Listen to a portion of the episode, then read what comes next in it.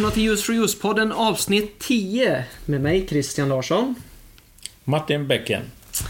Är det Ja. nummer 10 Larsson? Nu är det nummer 10, jag är, är helt säker, säker. på detta och nu då? eh, jag kom fram till att det var inte jag som var ute och snurrade förra gången utan Det var jag. Det, det måste ha varit du som var...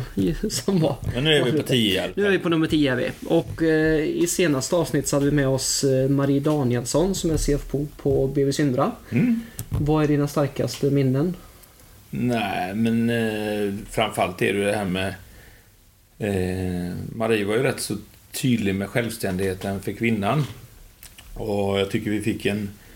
Lite, det, vi- det, det, vi fick lite bevis också på några dagar efter podden. Det var det som hände på H&M Att de eh, anställde en kvinnlig VD, eller koncernchef, som kom, har varit hållbarhetschef innan då. Och det visar ju tydligt vad H&M, vilket håll H&M vill gå åt. Och kvinnorna stärker sin position i, i, i världen, vilket jag gillar och står bakom. Mm. Eh, Jag såg att SCB hade gått ut med att de inte ska, kanske inte ska ta in bolag på börsen som inte har mångfald i styrelsen. Precis. Så det händer mycket positivt nu. Ja, mer och mer i alla fall. Sen var det ju väldigt intressant eh, att få ha Marie här. För det, var en väldigt, det är en väldigt pers en stark eh, personlighet. Så det var kul. Absolut. Och med det tycker jag att vi välkomnar dagens gäst, Sabina Grubbesson. Hej. Varmt välkommen. Hej, kul att jag fick komma. Absolut. Eh, Vi känner ju varandra genom eh, LOSA Foundation och Cycle for Europe. Men eh, jag tänkte att om vi backar lite. För det första, vad gjorde du innan LOSA Foundation och för det andra, varför startade du LOSA? Ja, för det första så vill jag bara säga hej till de som lyssnar. Eh, och, eh, och bara för de som inte vet vad LOSA är så kan jag bara kort berätta att det är en, en eh, organisation som arbetar för Europas mest utsatta. Eh, och att jag heter Sabina naturligtvis och är 47 år och bor i Varberg och, och, ja, och, och så eh, att vi har haft ett samarbete länge då såklart. Eh, så för att återgå till din fråga. Det är bra. Man Det är som får- vanligt, jag tar saken i egna händer. Det, är bra. Kvinnor igen. Eh, vad jag gjorde innan Låsa Foundation. Eh, Låsa har ju drivit i... Eh, jag jobbat med det i, tre, i fem år och drivit det i tre år. Mm. Eh, innan dess, eller man kan säga från början, eh, så är jag utve- eh, utbildad undersköterska. Eh, jag arbetade både i kommun och landsting eh, med sjuka, på sjukhuset men också i kommunen med funktionshindrade. Eh, men det här var i början på 90-talet och det fanns inga jobb. Så jag gick över till privatsektorn. Utbildade mig till formgivare, produktutvecklare och arbetade med olika svenska varumärken och hjälpte dem att bli mer attraktiva på marknaden och utveckla varumärken. Mm. Eh, och sen undrar du hur det kom sig att jag startade. Det Ja, det känns fråga. ändå som ett ganska så långt steg mellan att jobba som Ja, designer då till Det att kan starta verka en... spretigt faktiskt. Så den, den historien hade Eh, varit väldigt intressant att höra. Ja, eh, det kan verka spretigt, men eh, jag kan återkomma till det sen. Eh, eh, 2015 så arbetade jag som extern formgivare då för olika svenska varumärken. Eh, och samtidigt så fördjupade jag mig i trendforskning. I eh, forskning eh, om trender och vad som händer i världen. Eh, var det allt mer hållbar utveckling som man pratade om. Vilket år var detta? Eh, 2015 Var det ungefär. då man hade börjat starta och prata om hållbar utveckling? Då? Ja, framförallt i trender, alltså i alla trender. Alltså både i inredning och produktutveckling och, och i världstrender så pratade man om liksom... Sustainability. Eh, och det är ju samma år som de globala målen skapades. Mm. Ehm, så ehm, jag, kunde, jag behövde ställa mig frågan, liksom, vem är jag och hur bidrar jag till det här? För då jobbade jag med produktutveckling, skyndade på, köp mer liksom. Ja. Ehm, eh, och samma år så bryter också flyktingkrisen ut och, och eh, flyktingkrisen den eh, usch, jag blir rörd bara jag tänker på det för jag blir helt lamslagen av den. Mm. Eh, den påverkade mig väldigt mycket. Eh, när människor drunknade i Medelhavet och Eh, och jag kan känna att jag liksom tapp, där tappar lite tron på mänskligheten faktiskt. Eh, att vi sitter och, och bara tittar på. Mm. Och de besluten som togs. Eh, eh, och de diskussionerna som jag tyckte inte kom. Eh, nästan som att man bevittnade ett massmord. Jag undrar hur man kommer se på det i backspegeln lite faktiskt. Mm. Ehm, så med den känslan av var är våran medmänsklighet som då flätades ihop med liksom, var är våran hållbarhet? Ehm, så var det någonting som jag ifrågasatte vad jag dedikerade mitt engagemang till. Liksom. Ehm, och de tankarna gjorde väl, de låg bakom de besluten som jag tog sen. Så min eh, den känslan som jag hade var att jag ville liksom hitta någonting som var närodlat. Eh, eh, och, och medverkade till detta då. Så att jag, eh, jag började forska i Europa och, och, och, upptäckte den fattigdom som vi har här och de behoven vi har av att eh, skapa arbeten här och, mm. och eh, hjälpa till med en hållbar utveckling här på alla sätt. Eh, och i och med den ingången som jag hade, för min pappa kom eh, till Sverige från Makedonien, före detta Jugoslavien, i slutet på 50-talet, eh, som den tidens ensamkommande, som också var en stor diskussion 2015 med de ensamkommande vi hade då. Mm. Så min pappa var ju en ingång för mig i, till Makedonien då, som är ett av Europas fattigaste länder. Och eh, när jag började forska i det, eh, om den arbetslöshet och fattigdom och korruption som finns här i Europa, så, eh, och samtidigt de miljömässiga utmaningar som vi har, så reste jag dit och, och det var där jag skapade Låsa Foundation utifrån det. Ehm, ja, var det, det var avgörande att du fick besöka Makedonien, känner du? Eller fick du den här bilden redan innan du reste dit? Att Nej, det den kan man nog inte förstå härifrån genom att läsa på olika sajter. Men, eh, men genom att åka dit och, och prata med de som jag hade, eh, hade, hade kontakt eller relaterade till som jag kunde söka upp och som sen hjälpte mig vidare. Genom alla de här samtalen ja. så förstod man de utmaningarna som de har. Så man kan säga att media gav en bild av verkligheten, en en annan. Ja, media gav väl egentligen ingen bild alls. Nej. Det här är ju helt okända länder. Ehm, och vi, vi sätter oss inte riktigt in i varför tar de inte emot flyktingar, undrar man ju. De har ju inte, de har inte förutsättningar nej, för det. Nej, det är sant. Men de eh, indirekt talar emot flyktingar kan man säga med romer och grejer? Eller är det, är det Väldigt de? lite. Ja, okay. ja, det är ingen som... Räkning. var, var kommer namnet Losa ifrån? Eh, Losa kommer ifrån min farmor och namnet betyder eh, familjeträd. Och eh, eh, det symboliserar ju då den mänskliga familjen och den organisationen som, som eh, handlar om att eh, ta hand om varandra. Mm. Mm. Du har redan lite varit inne på vad du har för koppling till till Makedonien. Men kan du inte berätta lite mer om, om Nordmakedonien och länderna runt omkring och varför du tror att det är en av de fattigaste delarna av Europa. Mm. Eh, Makedonien som, som idag heter Nordmakedonien. Eh, vi kanske känner det mer som, som eh, Former Yugoslavian Republic mm. of Macedonia som det eh, har hetat i Melodifestivalen och sådär. Ja, just. Eh, eh, det heter Nordmakedonien idag och fick det namnet för ett år sedan. Faktiskt på min födelsedag. Ja. Så det är på onsdag ett år sedan. Åh, oh, fyller år! Ja. Så eh, Makedonien då, eh, det, den historien som ligger där, varför det ser ut som det gör. Eh, det är ju ett ungt land, precis som de andra eh, länderna som, eh, som har en långsam ekonomisk utveckling. Det är ju unga länder som inte mm. har hunnit att bygga upp ett eh, socialt trygghetssystem och som inte har hunnit att... Strukturen finns inte ja, där riktigt. Ja, precis. Eh, och, och, att de är drabbade av krig och, och, och sedan tidigare och liksom har startat under noll. Liksom. Eh, Makedonien blev självständigt 93 och är ett av de sju länder som kom ut av Jugosla eh, före detta Jugoslavien. Då. Eh, och tre av de sju länderna ligger på det lägsta Human Development Index, vilket är man kan säga istället för BNP så, så mäter man utifrån de förutsättningar som handlar om fattigdom, utbildning och hälsa som gör att om man föds i det landet så har man mycket, mycket sämre förutsättningar att klara sig. Mm. Och framförallt om man eh, har något eh, som står i vägen för att du ska klara dig. Handikapp eller... Ja. Eller saknar familj till exempel. Ja. Jag tänker också, jag har ju sett eh, TV4-inslaget om institutionen i Nordmakedonien. Och det är lätt att bli förfärad när man ser det. Finns det något hopp för de funktionsnedsatta eller hur ser situationen ut?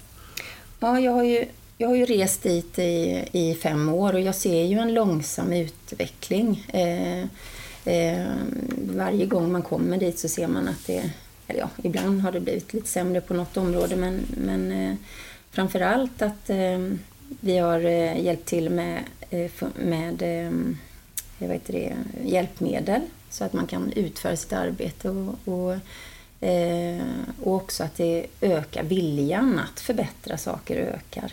Hoppet har kommit liksom. Jag har ju faktiskt varit med Sabina, jag och några till, i Nor- Nor- Nordmakedonien här och eh, besökt eh, flera olika institutioner och barnhem och Mm. romerstäder kan man ju nästan säga det. Men alltså, just det, den institutionen som inte jag kan uttala som vanligt, den heter Special Institution i Demikapia. Yes. Eh, så, liksom, det är ju den som tv-inslaget här då. Jag, jag har ju berättat för dig många gånger efteråt Sabine, eller vi har pratat om det. Att de här människorna som lever, kan, alltså, tror du de kommer få komma ut i samhället enligt den planen nu som har kommit då om tre år? Tror du de kommer komma ut i samhället? Ja, det tror jag. Eh, De flesta av dem. Eh, Sen, eh, sen är ju människor där institutionsskadade. De har levt där i 30-40 år. De är rädda för samhället. Ja. De kommer kanske inte våga gå ut men Mm. de kommer fram, absolut att förflyttas till en annan plats där det finns förutsättningar. Ja, hygieniska förutsättningar Ja, det, ska finnas en toalett, eh, det ska finnas en tvättmaskin. Eh, De kommer flytta till ett ställe som har ett avlopp som funkar. Liksom. Men Det, det har de Mm. Jag kan idag. berätta själv så är det kanske en av de tuffaste dagarna i mitt liv. Som när jag var med er där nere. Så det sitter väldigt mycket minnen i mig. Samtidigt med så kom det ju en artikel här i GP nu att ni hade fått att det skulle gå framåt och det gläder mig en mycket. Ja, det är ju Så fantastiskt. det- att vi är har ju- fått EU-medel för att eh, eh, förändra. Eh, eh, Det tycker jag nog är det fräckaste med det. Fräckaste, det är för, kanske fel uttryck, men det som inte... Jag trodde ju när jag, vi började jobba med LOS att ni var ungefär som samlade ihop lastbilar och körde ner med grejer. Det vet jag att ni gör också. Men det, och ni, ni har ju ordnat med kranar. Liftar heter det till folk som... Allt det här. Men det tuffa, det som jag tyckte var när man kom dit ner, det var att de hade respekt för er organisation. Att nu kommer Sabina ifrån Losa. Nu är det liksom, du var ju på regeringsnivå och prata och det, det är där du tror jag skapat den största förändringen. Är det så eller? Ja, men det är klart att man, eh, när, man när man återkommer hela tiden eh, eh, och, och påstår att det här är inte okej, liksom, så då öppnar man ju till slut ögonen på folk när man inte ger upp. Det räcker inte att säga en sak en gång. Utan man måste liksom eh, eh, ja, prata med fler och sprida kunskap om att det här är fel och inte ge sig. Det, Förändring tar tid. Det tar många år. Det är okej. Bara det går åt rätt håll. Inte gå bakåt. nej. Kan du inte berätta lite mer om vad ni gör på dels på plats och dels i Sverige också? Eh, ja, Losa Foundation är ju eh, det är en insamlingsstiftelse. Eh, så man kan ju säga att i stort så bygger vi upp en, en länk från de som behöver till de som kan hjälpa till. Ehm, eh, det är ju så som det funkar. Vi berättar om problemet och människor ansluter sig för att hjälpa till. Så på plats så söker vi upp de som, som ingen annan ser, som ingen annan hjälper. Och, och här i Sverige så arbetar vi för att sprida de behoven som finns runt om i, i Europas så av... du är egentligen ögonen för de svaga. Precis. Ja. Så egentligen du Ja. gör att vi andra då. För deras talan kan man säga. Och plus att du gör att vi ser igenom dig. Ja, precis. Det var faktiskt en rätt häftig. Mm. Ja. Eh, det, och det vi gör rent konkret då, det är ju för barn på barnhem, för fattiga och sjuka och funktionshindrade. Eh, som behöver grundläggande förutsättningar för att leva under rimliga förhållanden. De behöver skor, de behöver kläder. Eh, och, och då menar jag inte att de, att de behöver en tröja till, utan jag menar att de behöver en tröja. Och det, det, det, tycker jag vi ska vara väldigt tydliga. När, när Sabina pratar om rimliga förhållanden här, så handlar det om de mest basic grejerna i livet. Alltså Ja, man om- går alltså barfota i snö. Ja, Eller man sitter naken i ett rum. ja. Det, Eh, så vi ju det också. ja. Ehm, Så, så det är verkligen grundläggande mänskliga rättigheter och förutsättningar för, för att det ska vara rimligt. Ehm, och, och också upplysa om det här är brott mot mänskliga rättigheter. För att det vet inte människor. Vad har jag rätt till? Har jag rätt till ett par skor? Det är inte, det är inte självklart i ett fattigt land om du har rätt till det. Då, då kan man bli bemött med att men du ska ändå inte gå ut. Och det, är- det är svårt att, för oss att förstå det, för det är så långt ifrån vår verklighet. Ja, precis. Alltså det, det, det är ju ja, det är fantastiskt det jobbet du gör. Och, men liksom, hur gör du själv för att orka? Det måste vara fruktansvärt att tvingas se hur de här människorna lever och, och liksom många gånger jobba i motvind också som jag antar att du har, har fått uppleva. Ja. Eh, det kanske är så att det, det är lätt att fastna i ytan och bara se de, eh, de smutsiga kläderna och man, och man liksom, och stink, stanken liksom, stinkande madrasser och, och man kan bli skrämd av att människor gråter och skriker och så. Eh, Men, om, eh, men när man lyckas se förbi det, då kan man ju möta en helt fantastisk människa som har helt andra upplevelser och ögon än vad jag har, som kan ge mig också en kunskap om det. Eh, Och, och när, man, när man kommer där bakom och man lär sig att det spelar ingen roll vad vi har på oss. Det, det är ju då som man upptäcker att vi är ju alla människor. Eh, så vid första anblicken så kan det ju kännas jobbigt men, eh, men en sån känsla är ju också övergående. Efter en stund så känner man inte längre stanken och då är man inte heller längre, längre rädd för eh, för smutsen och det här. Jag kan ju gå hem och duscha sen. Jag kan åka hem till mitt fantastiska land. Eh, men de står ju kvar i det, så hur orkar de? Eh, så det har ju både... Jag tycker att det har gett mig. Alltså, det, är inte, det är inte bara jobbigt. Det kan vara jobbigt först. Men när man kommer över det, då är det något helt annat. Men så du menar nästan att det har blivit en normalisering för dig? Alltså jag, eh, ja, det tror jag faktiskt. För att idag när jag reser dit, med, till exempel med er, när vi reste dit, så, så säger ju ni att eh, den här stanken är svår. Jag känner inte den. Nej, alltså man, man kan inte förklara en lukt i en podd. Ja.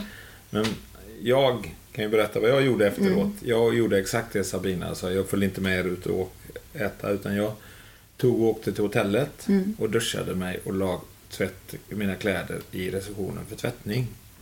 För att jag fick, fick den här stanken. Och jag kan än idag känna den här stanken som du, du säger. Nu kanske bara jag åker dit en andra gång att jag valt mig. Men det var en sån... In, med dessa bilderna och, utav människor då som kämpar och den här stanken och miljön runt omkring. Den sitter det i mig än alltså. Tyvärr så, de, så har ju människor detta emot sig. Att- Vilket gör att varje dag det bemötandet de får eh, är att du stinker och är smutsig och Ja. luktar illa och, och eh, du är äcklig och sådär liksom. Det är ju inte så som en människa ska bli bemött. Absolut inte. Och det... Men eh, du har ju faktiskt fått, några har ju flyttat ut därifrån redan va? Som vi träffade. Barnen har flyttat ut. Eh, så 2015 när jag kom dit första gången så, så fanns det ju eh, 20-30 barn. Eh, idag finns det ingen under 18. Eh, och det är ju fantastiskt. Och det är mycket tack vare det arbetet som Losa har gjort. Eh, nej, det är inte så mycket tack vare det, utan det är ju ett stort samarbete. Eh, Jo. Det är ju, just barnen är ju Unicef som arbetat för. Eh, men efter 18 så finns inte Unicef. För att de Men- verkar för barn. Men uppmärksamhet, ja, okej, uppmärksamheten har, har du ju skapat. Ja, precis. Det var, anledningen till att eh, Martin var på plats i Makedonien är ju ett eh, gemensamt projekt som vi hade. vid namn eh, Cycle for Europe som du är upphovsgivare till. Mm. Kan du inte berätta lite om hur du fick idén till den och hur ni jobbade runt omkring och få in sponsorer och deltagare? Mm. Det här är ju jättehäftigt. Eh, det var ju faktiskt eh, Martin som plötsligt kom och överraskade mig med att eh, Tim Baby skulle cykla för Låsa Foundation. Det var ju så märkligt då, för då hade jag ju ett par år skissat på en idé om att cykla från Sverige till Makedonien för att öka medvetenheten om vårt arbete. Så jag kontrar ju honom med att chocka honom kanske med att säga att, att jaha, men vi ska ju eh, cykla eh, så här långt. Eh, och, och det ännu mer fantastiskt var ju att, eh, att då ber vi anta det här er, erbjudandet och, och den här idén och faktiskt genomföra det här. Man får faktiskt säga att det var en galen idé. Ja, det är en galen. Det, det, det får man lov att säga nu efteråt. Eh, ja, eh, men det var helt fantastiskt det som växte fram och alla var ju eh, eh, väldigt eh, nyfikna och det utvecklades ju jättebra. Det som egentligen som du, jag tycker som ingen förstår, det var ju all förberedelse som gjorde innan det här Ja. liksom från... Så det var ju flera människor här som eh, Jonas, Liv, Sabina, Peter, Christian. Alla, i- alla i Ma- Macedonien, alltså norra Macedonien. Alla, alla cyklister, alla människor, team, teamet runt omkring. Din farsa, eh, Andrea, whatever de heter där alltså. Och så, så blev det så, det blev en så fin grej utav alltihopa fast det var tufft att vara i Macedonien då. Eh, och hela den, men eh, det var en lång sträcka. Eh, det var... Men det var väldigt roligt också. Och, och, fram, och sen en sak, det hände inga olyckor där det blev någon större skada. Det var Nej. någon cykling, väldigt... något skrapsår. Ja, fast, och det är ju det viktigaste när vi gör ren säkerheten i detta givetvis då. Sen fick jag ju vara med och överlämna cyklar där nere. Eh, från, som vi hade människor som hade skänkt. Ja. Jonas och jag startade en insamling. Och vi var ju Nästan över... 100 000 samlade ni in. Ja, det blev ju massa cyklar där. Så jag glädjer mig för att komma ner igen nu och få träffa barnen och se dem igen på cyklarna. För vi vi fick ju se dem då. Men då har jag en fråga till dig Sabina. Vi kanske ska åka ner snart igen, hela gänget här. För vi ska förbereda inför nästa cykling som du ska få lov att presentera här om en stund säkerligen. Men Vi kommer till. Har alla en pyjamas på, eh, på vad heter det nu igen? Nu kan, inte- Demicap, ja. ja. Nej, så, nej, det har de inte. Nej. Om jag skulle utmana alla som jag känner till att skänka en pyjamas. Ja. Och då menar jag inte att vi ska skänka pyjamas, jag ska skänka en peng. Mm. Så Sabina ordnar med sina relationer ner som köper. Vad kostar ungefär en pyjamas där? Ungefär 100 kronor kan Okej. man köpa en pyjamas för. Och där finns ju 200 personer. Okej. Så, eh, Så då räknar vi ut det. Då har vi 200 personer som vi ska skänka. Det är 20 000 kronor. Ja. Okej. Jag skänker fem pyjamas direkt här nu då. Okej? ja, Då antar du att vi samlar ihop det. absolut. Då vet ni det. Då är det 100 kronor för en pyjamas. Eh, Man sätter in det på Sabina, eller Losas, som Sabina kan skicka ut här efteråt. Man kan faktiskt köpa det i gåvoshoppen på vår hemsida direkt. Och storlekar och sånt det ordnar Sabina med nere i Macedonien då. Så fem pyjamas från mig. Larsson, hur många pyjamas? En kör du i alla fall. Ja, jag får köra på lika många, jag kan inte vara sämre. Så vi får, vi får tio pyjamas redan Larsson. Jajamän, Ja, det är är det bra. inte många kvar. Det måste cyklar du någonting själv Sabina? Eh, ja, det gör jag väl, men, eh, men eh, det är ju svår, svårt att cykla i detta eh, Ja. arrangemanget eftersom jag eh, eh, behöver ju prata om varför. För det handlar ju... Det, kan, det, det är ju mycket cykling, men framförallt så handlar det om varför cyklar vi? Och det måste jag ju... Och det budskapet tycker jag du fick fram väldigt starkt när vi var nere i Macedonien. Vi var, Du var med på TV, två TV-kanaler. Du var med, vi hade torget, du hade ordnat hela torget eller vad det heter där. Det kändes ju nästan som att vara en rockstjärna när man var där nere. Det, Och, och det, alltså, det mest fantastiska av allt, ni samlade in 600 000 kronor. och det var utan cyklarna va? Ja, det Ja. var, nej, det var inklusive. Det var inklusive Ja. cyklarna. Vad, hur använde ni de här pengarna? Var de öronmärkta på något vis eller, eller hur länge kommer det att räcka?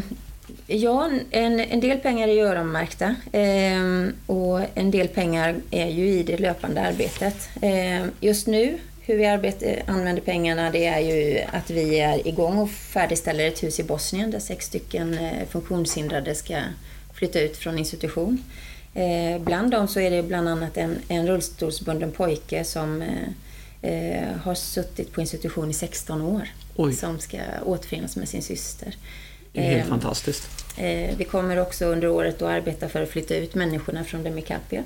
Eh, vi kommer också starta upp en research i Kosovo eh, och det är ju tack vare en eh, stor sponsor, Hirsch, som gick in, eh, ett österrikiskt företag, Hirsch, som gick in som Europasponsor och möjliggör att vi kan starta upp i ett land till. Vi kommer också fortsätta att stötta barnen i, i Nordmakedonien för att de ska ha kläder och skor och att de ska gå till skolan och sådär. Mm. Mm. Hur, hur, jobbar du för att samla in mer pengar annars? Eller hur, hur mycket behövs egentligen? Ehm, egentligen behövs det inte så mycket. Om man jämför med andra organisationer så är vi en liten organisation ehm, eh, som behöver växa i lagom takt. Då vill man inte ha för mycket pengar eftersom vi verkar utifrån svensk insamlingskontroll så ska allt som kommer in också gå ut. Är det samma år det ska göra det då eller kan man spara lite? Man har ungefär ett år på sig. Sen kan man ju berätta att nu har vi fått in så här mycket pengar och, och, och då kan man ju också eh, tala om att ja. de, de, är på väg hit. Alltså men, man kan spara liksom en halv... Ja, men inte så länge. Eh, men eh, det som vi behöver är en till två miljoner om året i det, i det skedet som vi är nu eh, för att nå våra mål och fortsätta vårt arbete då. Framförallt är det för att eh, driva det, den eh, nedläggningen av institutionen i Makedonien som vi eh, har fått i uppdrag att göra och som vi mm. har fått godkänt av EU att vara med i. Då. Det är ju, det, det, alltså det är ju så fantastiskt för vi, ni lyckas med detta på... Och vi har ja, lyckats med detta. Men det är ju du, eller Losa och två organisationer till som driver det mm. framåt. Va? Ja. Och liksom kunna åka dit om tre år och se att det är tomt där ja. och höra en släppa en nål. Ja, det, det kan man inte veta, men vi, det är det vi Det är det liksom jag skulle... Det är liksom, ja. Ja. Hur har responsen i Sverige varit annars? Jag vet att vi var inne på det att media förmedlade ju inte en, en rättvis bild inledningsvis och detta är ju det är ju något nytt för oss egentligen. Eh, en del av Europa som de flesta svenskar kanske inte känner till. Blir folk förvånade eller upp upprörd över att människor i Europa tvingas leva på detta sätt eller, eller föredrar vi att inte se vad, vad som händer och med det då tycker man att det är deras problem att det får man lösa på plats? Ja. Um, um, vi matas ju med otroligt mycket information i media uh, och det som, det som jag har, har, um, har upplevt är att, uh, att människor kanske känner att de orkar inte ta in mer. Eh, att, eh, eh, att, att, man, att man kanske också med tiden tappar medkännande när man matas med så mycket mm. genom media och press och nyheter. Liksom. Det blir det, för övermäktigt ja, egentligen att ta till sig det. Liksom. Ja. Sen, Hans Rosling tycker jag ju, han levde, var väldigt tydlig med det. Vi, vi kanske matas med fel information också. Mm. För vi matas med hela tiden med att det är så hemskt och det är hit och dit. Men vi kanske inte får reda på riktigt hur det är och vad det är hemskt istället. För det blir som olika dimensioner ja. i det liksom. En liten grej kan blåsa upp Men vi har ju ett katastroftänk. Ja, eh, och lite och det, så är det. Det är det du säljer media på. Ja, och, och om man ser på det katastroftänket som är så man kan bara jämföra Bosnien och Makedonien. Ja. Eh, vad som hände där efter kriget, att eh, när kriget i Bosnien var eh, basunerades ut över hela världen så rusar hela världen dit mm. i katastrofen. De andra länderna som eh, idag är mycket fattigare än Bosnien vet ingen om. Alla vet vad Bosnien är. Och naturligtvis så var det en jättekatastrof. Men när en utveckling går så långsamt som det har gjort efter det, efter de här 20 åren, hur det ser ut idag, så är det ju ingen som pratar om fattigdomen i Kosovo eller Makedonien eller fattigdomen i Moldavien som är så mycket sämre. Men det har gått så långsamt att ingen märker det. Mm. Jag var ju nere i Makedonien var det ett år innan vi var nere och jag eh, upplevde inte det alls det som jag fick se när jag var med dig. Mm. Så det är ju väldigt svårt att få en bild när man inte vet heller riktigt. Så mm. Vi var just i Skopje då och mm. såg liksom det fina och flotta där. Ja, ja. Det är ju inte jätteflott, men vi såg det. Så det, man kan få väldigt felaktig information också. Eller? Absolut. Mm. Det finns en fasad. Precis. Många företag pratar ju gärna om mångfald och social rättvisa. Är de beredda att put their money where the mouth is eller sponsrar de hellre mer traditionella saker som Röda Korset, Rädda Barnen och dylikt? Eller hur, hur reagerar företag när du ber dem om bidrag? Jag tycker att eh, det är alltid svårt att komma med en ny organisation för att det finns en, en, en, en eh, Ja, precis. Misstanke, liksom, vad är det här? Och man vet inte riktigt och sådär. Eh, men, eh, men företag har ju börjat förstå vad vi arbetar för. Sen är globala målen behöver också tid på sig att, att eh, folk ska förstå. Nu börjar det ju mera, liksom, nästan varje företag pratar om de globala målen idag. Eh, och vill, ha, eh, vill liksom medverka till en hållbar utveckling. Och, och, och många har ju börjat att förstå att genom att bidra till Åsa Foundation så bidrar man också till en social hållbar utveckling och vi gör det åt dem. Mm. Så, eh, och då bidrar man ju till de som har det sämst och det gör ju störst effekt. Ehm, ja, så jag Men tycker man kan att det är alltså positiv... säga att Cycle of Europe var lite ett genomslag också för då blev du ändå mer Mm, kom ut och syndes Absolut. i olika länder Ja. och fått en... Det liksom, vi cyklade, hur många länder var det som cyklades igenom? Åh, vad... 10, 8, 9, 10 någonting. Ja, någonstans runt där. Mm. Ja, jag tänkte att Jonas och Jonas var nere och rekade innan och Jonas Andersson och Jonas. Fantastiska människor som... Och med det så tycker jag vi hoppar på the million dollar, million dollar question. Blir det ett nytt Cycle for Europe eh, även i år? Ja, men det blir ju det. Det gör det. Det är ju ni som har talat om för mig att det blir det. Riktigt. Eh, Så det är helt otroligt att BV Symbra kommer att stötta eh, detta i år igen. Och jag tolkar ju det som en bekräftan på att man ser att vi gör skillnad här tillsammans och det, vi har hittat fram till ett jättefint samarbete. Eh, Och att det ligger ett förtroende att vi, vi kommer att eh, göra en bestående förändring. Och vi ska ju faktiskt eh, åka ner nu några stycken här också och se lite Mm. förändringar förhoppningsvis innan vi cyklar nästa gång. Och se vad det är resultatet av, av det arbetet som vi, som vi gjorde då. Precis. Och det här blir ju den 17 till 22 maj som vi ska cykla. Ni kan berätta vart vi ska cykla. eh, nej, årets eh, Cycle for Europe kommer att gå. Vi fortsätter egentligen där vi slutade förra året. Eh, så vi kommer starta i Varberg och under sex cykeldagar ta oss upp till eh, Trondheim. Och det kommer bli en sträcka på ungefär 100 mil. Om jag inte minns helt fel. Eh, och du söker sponsorer redan nu till detta event och eh, finns också lite mer information om de olika sträckorna och hur man kan sponsra på din, din hemsida va? Precis. Precis. Det är ju så här, vi framförallt hoppas vi att många anställda på BV är med och cyklar. Men sen har vi ju väldigt många cyklister som har hört av sig redan nu som vill vara med och cykla. Så det är ju, det är ju en, eh, sen är det ju så att när vi kommer fram till Trondheim så vet ni, är det ju att våran BV grundades ju på en ö utanför Trondheim som heter Fröja. Det är lite där våra värdegrunder i företaget har startat med att vi har varit duktiga social sustainability, alltså hållbarhet egentligen sen... Vi har 40-årsjubileum nu också, så det blir lite häftigt det detta året då. Fantastiskt. Jag måste fråga också, du är ju en fantastisk människa som har gjort detta med en oerhörd rik gripkraft som har tagit steget från liksom Ekorrhjulet. Ja, nej, men liksom, ja, men, och se liksom hur, hur det ser ut och ta steget och faktiskt starta en organisation och börja samla in medel. Det, jag tänker att det kanske sitter fler personer där ute med samma drivkraft som har sett att det finns någonting som borde göras någonstans också.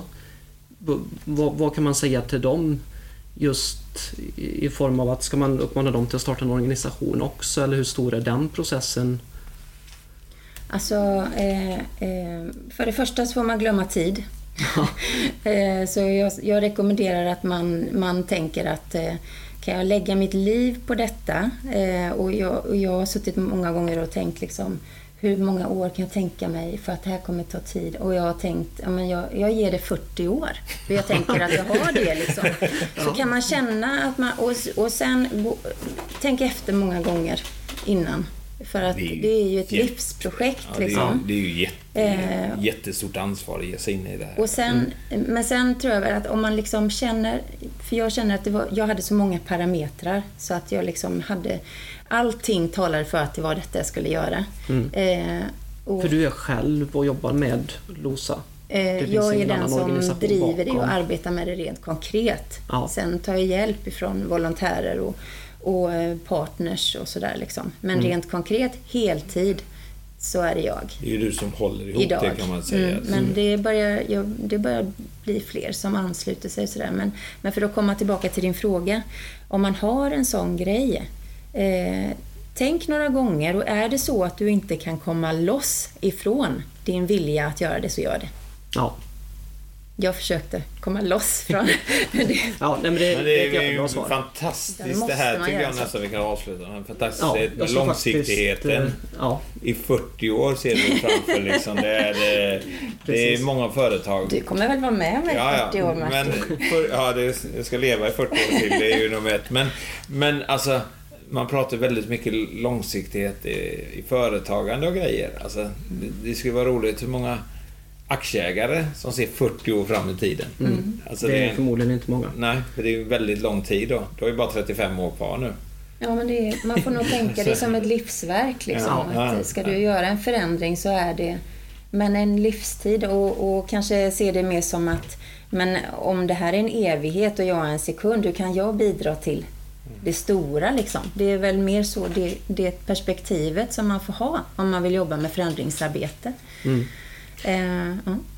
Nej, jag skulle faktiskt bara vilja avsluta. Om jag som privatperson eller som företag vill stödja LOSA. Åh, Hur gör jag? vilken bra fråga! Bästa frågan! Äntligen Lars! Call, call to Yes! action! Där satt den. Eh, nej, men jag hoppas ju att eh, eh, man då vill följa Låsa Foundation på Facebook och LinkedIn till exempel. Eh, och att man vill stötta Cycle for Europe. Gå in på www.låsafoundation.org.